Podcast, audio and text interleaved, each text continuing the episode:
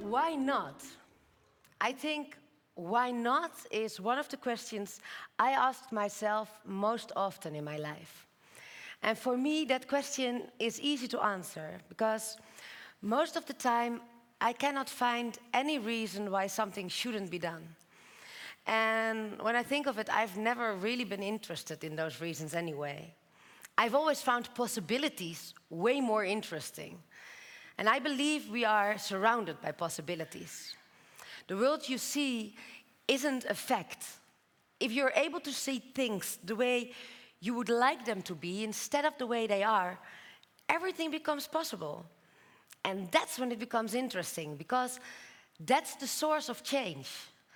That's the moment when the plot turns. So if you believe in possibilities, then you know that everybody can write his own story or should be able to. And today I'd like to start by telling you mine. When I was 18, I had to decide what I was going to do with my life. Just like a lot of other people that age, I had to decide what I was going to study. Now, I knew I didn't want to live my life just working on a career, have some fun. I wanted to mean something to people. I wanted to change the world for the better. Big ideas, maybe, but why not?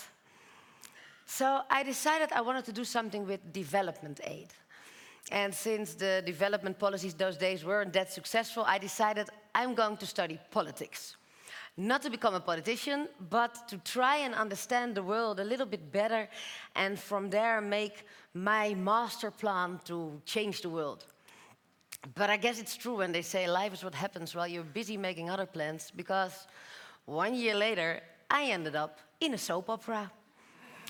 Well, why not, I must have thought. But the idea to do good, however, always stuck in the back of my mind. And uh, funny enough, as my television career developed, mm, I got the opportunity to see so much of the world. For my television programs, I traveled all over the place, all over the world, showing not the luxurious places, but the places less wealthy, the places that were screaming for attention, uh, places where people had to struggle to survive. Now, I could show those situations in my television program, but I felt powerless to make any change. I couldn't change the world, so I guess the world changed me. One of the most life changing experiences for me was when I made a story about the scavengers women in India. And those are people of the lowest caste. They make a living by manual scavenging, removing dry excrements, human excrements uh, from dry toilets. And they can never get another job because nobody hires them.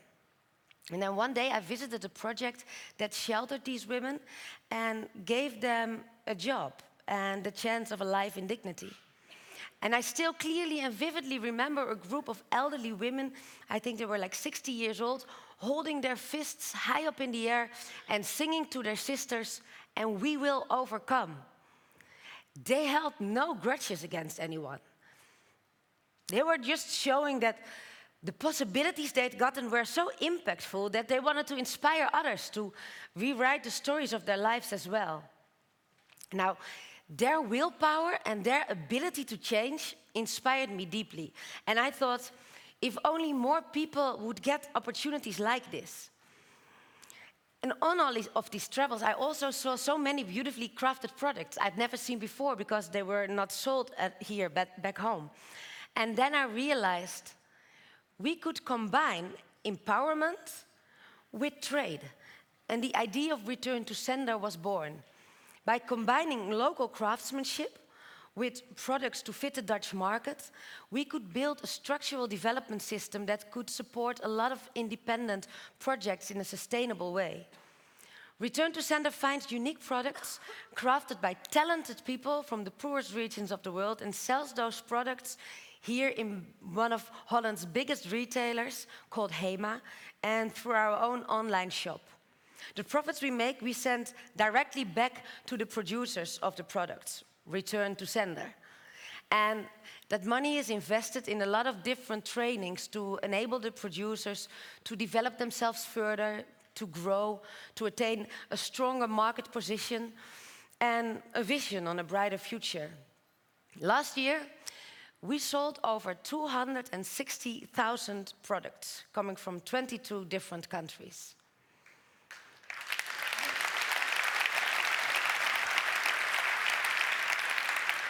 Now, I'd like to tell you another story. It's the story of Maria. And Maria lives in the favelas of Recife. Recife is one of the most violent cities of Brazil. It's not really a place that seems to offer a lot of possibilities. But in 2007, Maria saw one. She gathered a group of 20 women from her neighborhood, and together in her little house, they started producing traditionally made felt ornaments. I visited her in her home where they just started working on the first return to sender HEMA collection. They were sitting there working on the floor. And now, five years later, those products turn out to be one of uh, to Sender's most popular items.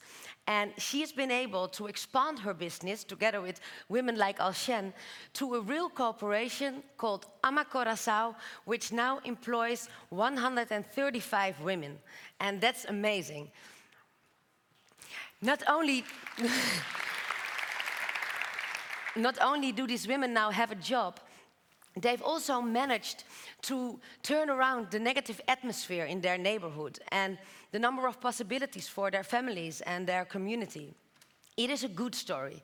It's a story we proudly tell to anyone who buys our products. Now I'm going to tell you the story of Ronald. Ronald is the CEO of HEMA. Now, I had this idea of selling all these products in Holland, but where would I do that? I thought Hema would be the perfect place. It has 5 million visitors a week, and everybody goes there to buy, to buy their daily needs, from makeup remover to sausages. But how do you organize that? Especially because Hema mainly sells its own brand. And then, coincidentally, Ronald and I were guests at the same television program. For the Dutch people, DWDD. And uh, I thought this is an opportunity, a very obvious one. So after the show in the bar, I told him about my plans, and right there and then, he shook my hand and said, Let's do it. Why not? And after that, he convinced the entire HEMA organization to believe in this new business model as well. So, this again is an example of how one individual decides to make a first step, and what follows is change. Not only people have stories, everything has a story. The clothes you're wearing, the stuff that surrounds you in your house. And not everyone is aware of that. That products come from somewhere, that they're made by someone, and that that someone has a story too. Return to Sender brings these products out of anonymity by telling the stories behind the products.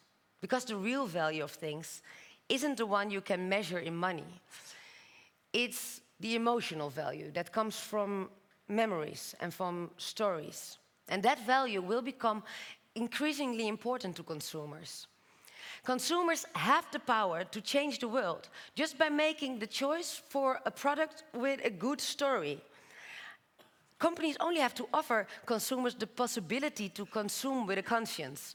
And Return to Sender has proved that consumers are very eager to do so. Changes happen when just one individual dares to look beyond what's familiar. And it takes guts to look from another perspective, to change the status quo, to see possibilities where others can see only difficulties. Changes happen when one dares to dream and when one decides to make those dreams come true. Return to Sender follows the initiatives of people that already made the first steps in developing themselves. Because if you speak about human nature, I strongly believe that one of man's greatest desires is to be able to develop themselves, to have control over their own lives. Because if a person is not able to have that, life degrades to a mere existence. And that leads to fear, anger, and sadness, and to very little possibility of happiness. People should be able to write their own story. When I was 18 years old, I dreamt of changing the world, and I've been fortunate enough to realize that dream a little bit. Uh, with Return to Sender, I try to inspire others to write their own story. And to make it one worth telling. So I'd like to conclude with what might seem like a simple question, but which hopefully will turn out to, to be one that challenges you. What will your story be?